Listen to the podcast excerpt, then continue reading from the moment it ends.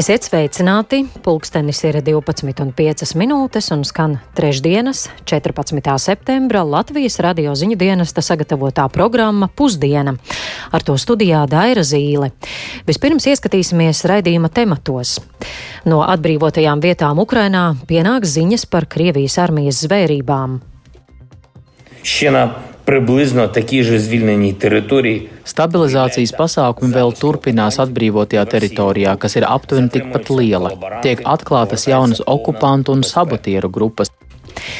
Ienākumi netiek līdzi cenu pieaugumam, mudina pārskatīt garantēto minimālo ienākumu, sociālā nodrošinājuma pabalstu un minimālo pensiju disbalans, inflācijas spiediens neradīs. Ja.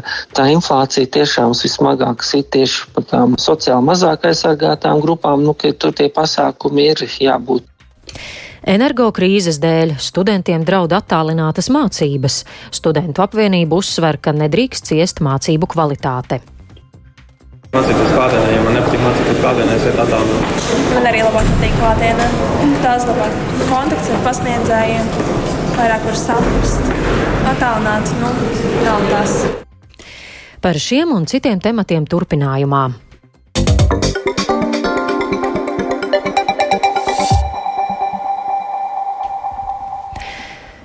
Karš Ukrainā norisinās jau 203. dienu, un visā frontes garumā turpinās cīņas, taču galvenā uzmanība joprojām ir pievērsta notiekošajam ziemeļaustrumos un dienvidos, kur Ukrainas armija dodas pretuzbrukumā. No okupantu atbrīvotajām vietām pienāk ziņas par kārtējām Krievijas karaspēka pastrādātajām zvērībām. Maskava ir mēģinājusi pārliecināt Ukrainu atsākt diplomātiskās sarunas, tā apgalvo Kijeva, bet vairāk par jaunajiem notikumiem Ukrainā stāsta Uldis Ķezberis. Ukrainas bruņotajiem spēkiem līdz šim vislabākās sekmes bijušas Harkivas apgabalā, kur no Krievijas karaspēka ir atkarotas desmitiem apdzīvoto vietu. Ukrainas prezidents Volodimirs Zelenskis paziņojis, ka pēdējās nedēļas laikā Ukrainas armijai ir izdevies stabilizēt situāciju vairāk nekā 4000 km2 plašā teritorijā Harkivas apgabalā. Šiena приблизно такі ж звільнені території stabilizācija tриває. Stabilizācijas pasākumi vēl turpinās atbrīvotajā teritorijā, kas ir aptuveni tikpat liela. Tiek atklātas jaunas okupantu un sabotieru grupas, tiek aizturēti kolaboracionisti un pilnībā atjaunota drošība. Robežu sargiem ir uzdots aizsargāt valsts robežu atbrīvotajās teritorijās. Ir ļoti svarīgi, lai kopā ar mūsu karavīriem, ar mūsu karogu deokupētajā teritorijā ienāktu normāla dzīve. Piemēram, Balaklijā sāka izmaksāt pensijas par pieciem mēnešiem, jo okupācijas dēļ vienkārši nevarējām veikt maksājumus. Un visi ukraiņu pensionāri atbrīvotajā teritorijā saņems maksājumus. На звільненій території отримують виплати. Ukrainas varas iestādes pēc Balaklijas atbrīvošanas atklājušas, ka iebrucēji policijas iecirknī bija ierīkojuši cietumu, kur spīdzināja vietējos iedzīvotājus. Viens no viņiem, vīrietis vārdā Arķoms, raidsabiedrībai BBC stāstīja, ka viņš Krievu gūstā pavadīja vairāk nekā 40 dienas un viņu spīdzināja ar elektrību. Vīrieti arestēja, jo pie viņa atrada Ukrainas bruņotajos spēkos dienošā brāļa fotografiju. Citu Balaklijas iedzīvotāju arestēja tikai tāpēc, ka viņam mājās glabājās Ukrainas karoks. Ukrainas vicepremjere Olga Stefanīšina paziņojusi, ka Ukrainas bruņoto spēku sekmīgās pretuzbrukuma operācijas piespiedušas Krievijas pārstāvjus pa oficiāliem un neoficiāliem kanāliem vērsties pie Kīvas ar aicinājumiem pārtraukt kara darbību un uzsākt miera sarunas.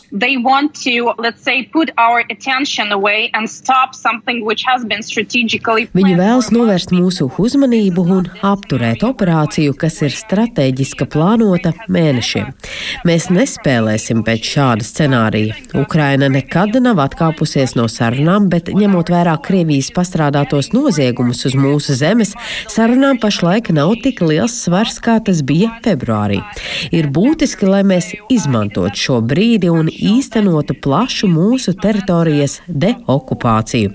Pēc tam mēs būsim gatavi sarunām, kas nebūs balstītas uz Krievijas ultimātiem, bet ļaus izbeigt karu un novērst jaunu karu uz mūsu zemes pēc pēc tam, kad Krievija būs spējīga atjaunot savas rezerves.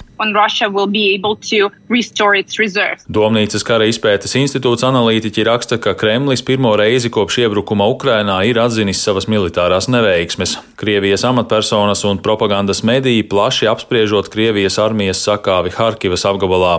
Tā esot Kremļa taktika, lai novērstu no prezidenta Vladimira Putina atbildību par sakāvi un noveltu to uz viņa militārajiem padomdevējiem.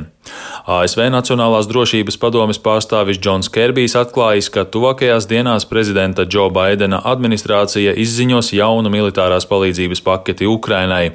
Viņš sacīja, ka ASV amatpersonas katru dienu sazinās ar Ukrainas kolēģiem, lai saprastu, kas valstī ir nepieciešams cīņai pret iebrucējiem. Kerbijs uzsvēra, ka Ukrainas bruņotie spēki, izmantojot rietumvalstu piegādātos ieročus, ir apliecinājuši savu augsto efektivitāti. ASV mediji vēsta, ka Ukrainai ir plānots nosūtīt papildu ieročus 600 miljonu dolāru vērtībā. Uldis Česberis, Latvijas radio. Solidaritāte un ieguldījumi nākotnē Tie ir atslēgas vārdi, kas izskanēja Eiropas komisijas priekšsādātājas Urzulas Fonderlejenas ikgadējā uzrunā par stāvokli Eiropas Savienībā. Fonderlejena uzskata, ka elektrības tirgus vairs nedarbojas pienācīgi, jo iedzīvotājiem būtu jāgūst labums no lētās enerģijas, kas tiek ražota ar atjaunojamiem resursiem, bet tā tas nenotiek. Tādēļ ir paredzēta šī tirgus reforma. Eiropas komisijas priekšsādātājas uzrunāja klātienē Strasbūrā, seko arī mūsu korespondents ar Ārķums Konohaus, ar kuru tagad esam sazinājušies tiešraidē. Labdien, Ārķum! Jā, labdien! Kādi priekšlikumi izskanēja par elektrības un gāzes cenu samazināšanu? Jāsaka, tik tiešām liela daļa no Urzulas Fonderlejenas ikgadējās uzrunas par stāvokli Eiropas Savienībā tika veltīta enerģētikai un enerģijas cenām, jo šis jautājums ir ārkārtīgi aktuāls daudziem Eiropas iedzīvotājiem, faktiski visās bloka valstīs. Un tāpēc tika runāts par priekšlikumiem, ko tad varētu darīt. Un viens no tiem ir peļņas mazināšana. Peļņas mazināšana uzņēmumiem, kas šobrīd gūst ārkārtīgi lielus ienākumus, kaut arī viņi neizmanto gāzi vai izmanto gāzi minimāli elektrības ražošanai, bet tāpēc, ka biržā cena ir tāda, kāda tā ir, proti ļoti augsta, šobrīd šie uzņēmumi saņem tādu peļņu par kādu viņi pat nav nekad sapņojuši. Fonderlaina sacīja, ka, protams, Protams, peļņa un teiksim, uzņēmēju veiksme ir pieņemama Eiropas Savienībā. Tajā nav nekas slikts, bet tomēr ir jābūt arī solidaritātei, un šai solidaritātei būtu jāizpaužās tā, ka tiešām uzņēmumi palīdz arī un padalās ar saviem ienākumiem, lai iedzīvotāji varētu nomaksāt šos augstos rēķinus, kas šobrīd ir. Tas ir teiksim, viens no tādiem atslēgas priekšlikumiem.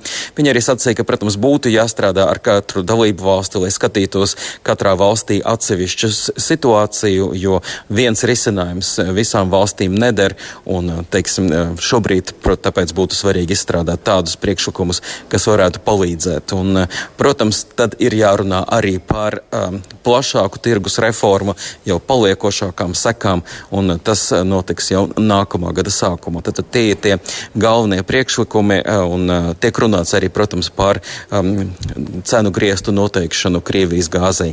Šīs ir tās idejas. Tāpat ir interesanti runājot arī par um, to, ka par, par pārēju uz atjaunojamo enerģiju Ursula von der Leyen aicināja nepieļaut kļūdas, kas tika pieļautas 70. gados, eh, kad bija krīze.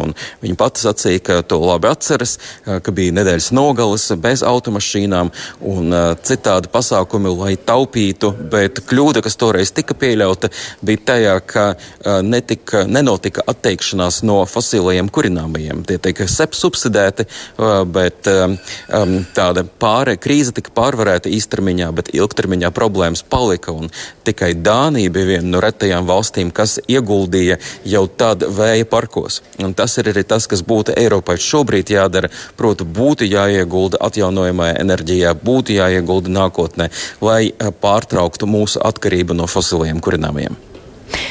Plenārsēžu zālē atradās arī Ukrainas prezidenta sieva Olena Zelenska. Ko Urzula Fonderlajena sacīja par turpmāko atbalstu Ukrainai? Liela daļa uzrunas tika veltīta atbalstam Ukrainai. Arī uh, gan Fonderleina, gan arī vairāki citi politiķi bija ģērbušies uh, Ukrainas karoga krāsās, uh, lai paustu arī vizuālu atbalstu. Un, Daudz tika runāts teiksim, par Ukraiņas iedzīvotāju drosmi, par Ukraiņas politiķu drosmi, un tika pateikts arī, ka Eiropas Savienība turpinās atbalstu, tiks piešķirta piemēram 100 miljonu eiro Ukraiņas skolu atjaunošanai, jo nākotne sākas ar bērniem, un Fonderleina arī diezgan emocionāli runāja par to, kā viņas prāt varētu justies vecāki, kuri sūta savus bērnus uz skolu katru rītu un nezina, vai pēcpusdienā atkal tos satiks, ņemot ņemot vērā, ka ir karš. Tiek runāts arī par Ukrainas pietuvināšanu Eiropas Savienībai, par, pieņemsim, viesabunēšanas atcelšanu un iekļaušanu Ukrainas šajā te, telpā, telpā. Tāpat arī par enerģētikas tirgu un arī elektrības pārdošanu, ko Ukraina saražo Eiropas valstīm. Arī par to tika spriests un arī par to, ka Ukrainai būtu jāpievienojas un jātuvojas arī Eiropas vienotajam tirgum, kas varētu arī palīdzēt ekonomikai. Un par to Fonderleina runās ar prezidentu Zelenski, kad šo pēcpusdienu dosies uz Kīvu. Paldies! Sazinājāmies ar mūsu korespondentu Arķomu Konohovu.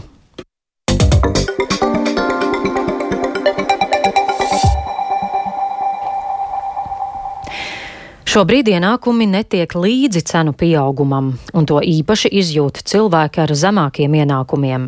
Tiesībsargs mudina vēl šo aizejošo valdību pārskatīt minimālos ienākumu līmeņus, garantēto minimālo ienākumu, valsts sociālā nodrošinājuma pabalstu, kā arī minimālo pensiju.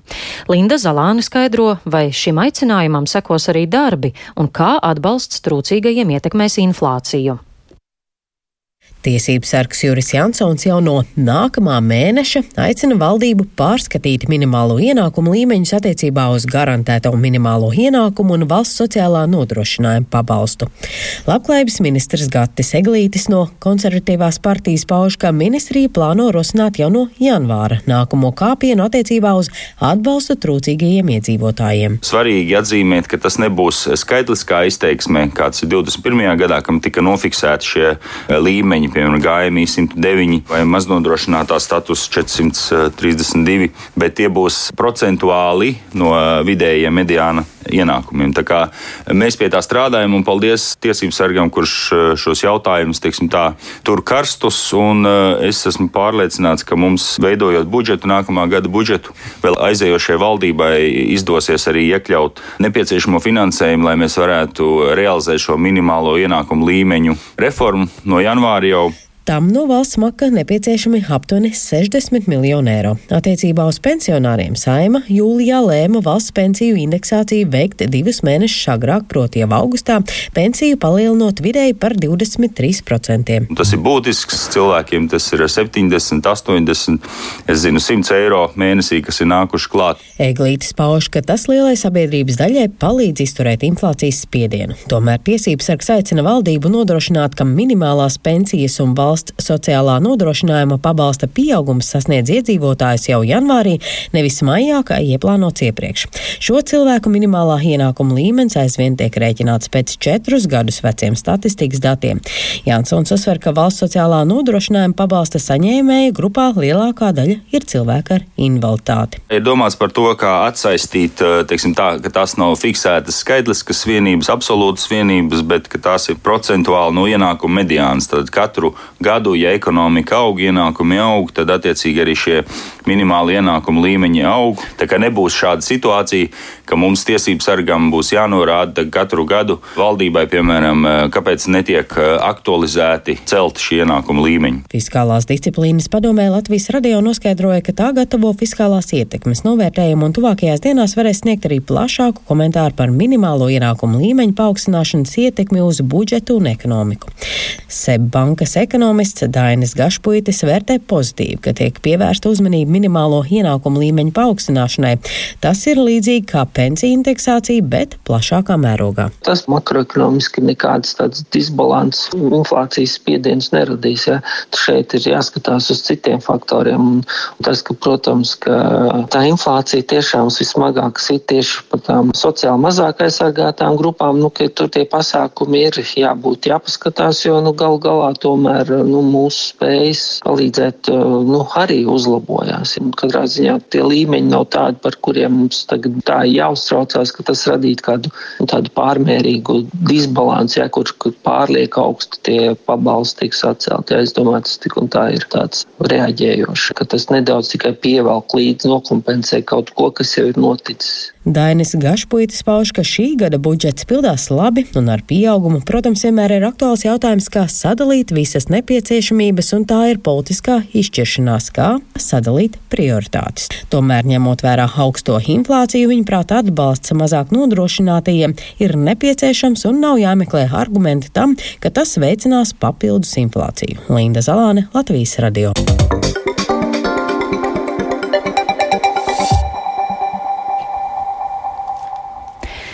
Universitāšu studentiem divas pandēmijas ziemas nācās mācīties attālināti, bet šoruden viņi atgriežas auditorijās. Negaidīti daudziem ir jaunumi, ka šajā mācību gadā atkal vajadzēs lekcijas klausīties datora ekrānā. Šoreiz gan vainīga ir energoresursu krīze, ko izraisīs karš Ukrainā. Vairāku Latvijas augstskolu vadība jau paziņojusi, briestošie rēķini par elektrību un apkuri ziemā tām nebūs paceļami. Ko par šo situāciju saka studenti un augstskolu? Skolu vadība turpinājumā Ievas puķes sižetā. Man personīgi patīk mācīties klātienē, ja man nepatīk mācīties klātienē, es ietu attālināt. Man arī labāk patīk klātienē. Tās labāk kontakts ar pasniedzējiem, vairāk var saprast, attālināt, nu, nav tās. Latvijas Universitātes trešā kursa studenti, ko garajā starpbrīdī sastopa juridiskās fakultātes gaitenī, atgriešanos dīvānā ar klēpdatoru vēlreiz negribētu piedzīvot.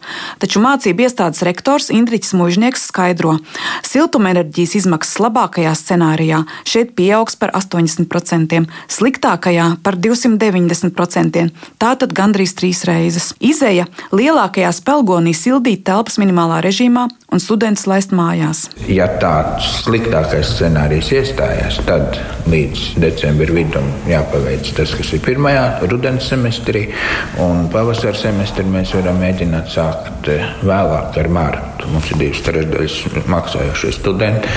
Viņu šī brīža perspektīva ir, protams, arī īpaši skarba.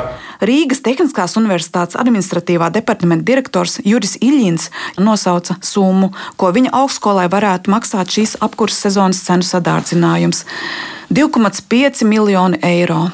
Tehnoloģiju universitāte ar robotiem, skaitļošanas centriem un laboratorijām Iļņins salīdzināja ar ražošanas uzņēmumu. Mēs droši vien pāriesim uz četru dienu klātienes darbu, un no piekdienas droši vien būs jāpavada attālinātā režīmā. Tā ir tāda pirmā lieta. Un otrā lieta, protams, ko mēs skatāmies, ka tajos bargākajos ziemas mēnešos, kas ir decembris, janvārs, februārs, iespējams, ka universitāte tādā vienā vai otrā veidā būs nosacīti jāvar ciet. Ja RTU un LU vadītāji secina, ka energotaupības pasākumi tojošās ziemas skarbo prognozi varētu ietekmēt tikai nedaudz, tad Liepājas Universitātes attīstības direktors Uldis Zupa stāsta par plāniem samazināt siltumu līmeni iekštelpās likumdošana atļautajās robežās līdz 18 grādiem. Taupot apgaismojumu, vienlaikus sēkās paredzēts organizēt visus iespējamos procesus, ne tikai studijas, bet piemēram arī telpu uzkopšanu. Sadārdzinājums varētu sasniegt 190,5 tūkstošus eiro, taču universitātes budžets budžetu, tas nenoliedzami ietekmēs. Vai taupības pasākumiem pievienosies arī attālinātās studijas?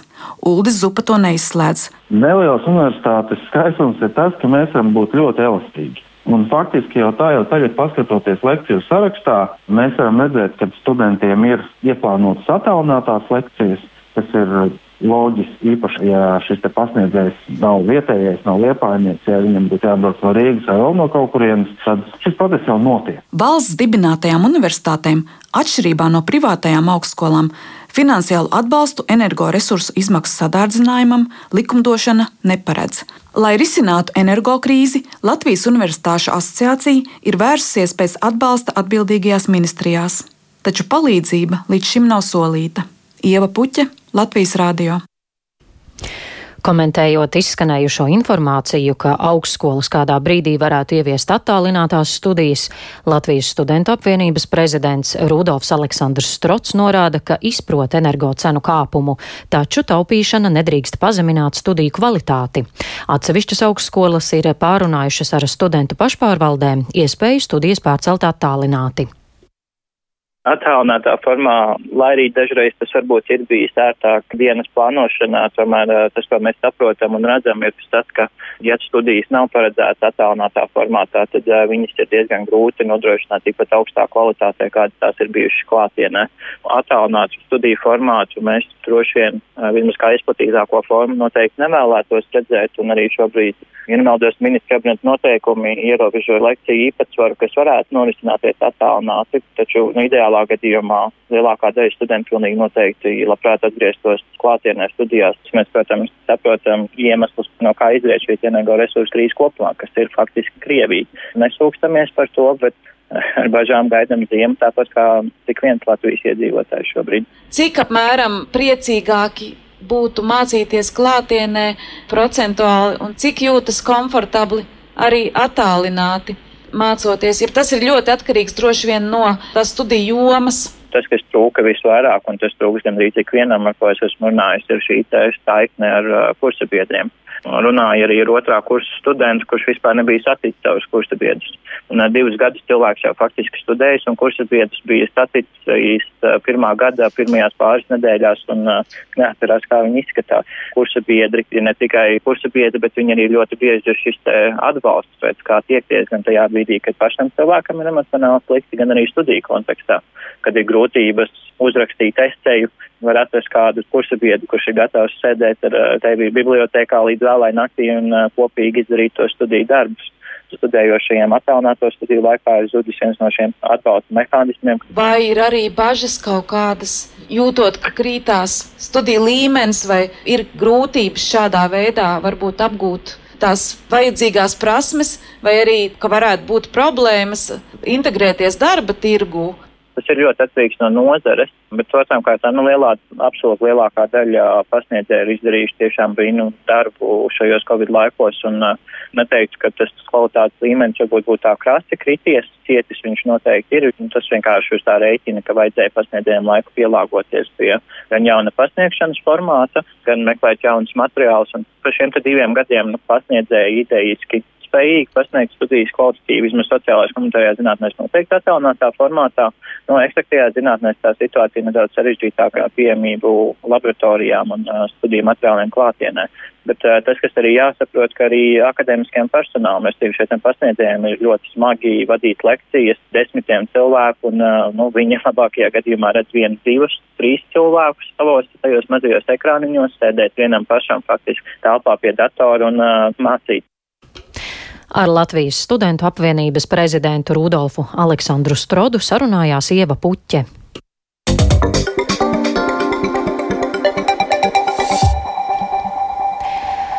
Lai mudinātu vietējos cilvēkus jaunām idejām un arī pašiem domāt, ko darīt savas dzīves vides uzlabošanā, tagad, septembrī, nevalstiskā organizācija Valmieras novada fonds rīko iedzīvotāju tikšanās, jeb domrades. Viena no šīm vietām, kur notika iedzīvotāju domrade, ir Seda, mazpilsēta, par kuru nereti iebraucēji saka, ka tajā ir apstājies laiks. Vietējā kultūras nama pasākumu organizatore Arta Šomase vērtē, ka ir vajadzīgs līdzekļs līderis, un viņas prāt jaunie cilvēki spētu iekustināt mazpilsētas sabiedrību. Šobrīd ar visu to, kas notiek mūsu apkārtnē, kaimiņu valstīs ar Ukrajinu, ja, es varētu teikt, vienu, ka arī šeit sedā kaut kas mainās. Varbūt eh, vairāk es dzirdu latviešu valodu, vairāk es jūtu, ka cilvēki par kaut kādām lietām domā, bet viņi nerunā šobrīd vēl. Ja. Bet es redzu no ikdienas attieksmes, kad ir kaut kādas izmaiņas. Tā paudze, kas šobrīd nāk, ja arī tie, kas ir domradē atnākuši, viņi ir tie, kas kaut ko grib. Jo, ja pagājušajā gadā es vienam jaunietim pateicu paldies par to, ka palīdzēja parku brīvprātīgi izkopt. Tad šogad jau es deviņiem pateicu paldies. Un varbūt kaut kāda līderu grupa ir vajadzīga. Ja? Nu, man liekas, ka šobrīd viņi arī veidojās.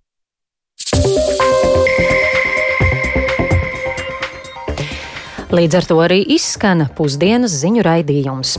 Producents Viktors Pupiks, par labskaņu gādāja Renārs Šteimanis, skaņu režijā Katrīna Bramberga, bet studijā Daira Zīle. Vēl īsi svarīgākais. No atbrīvotajām vietām Ukrainā pienāk ziņas par Krievijas armijas zvērībām. Ienākumi netiek līdzi cenu pieaugumam, mudina pārskatīt garantēto minimālo ienākumu, sociālā nodrošinājuma pabalstu un minimālo pensiju. Bet energokrīzes dēļ studentiem draud attālinātas mācības. Studentu apvienība uzsver, ka nedrīkst ciest mācību kvalitāte. Mūsu ziņām varat sekot līdzi arī Latvijas radio mobilajā lietotnē un sabiedrisko mediju ziņu portālā LSMLV, bet šīs pārraides atkārtojumu meklējiet arī raidierakstu platformās ar nosaukumu Dienas ziņas. Yeah.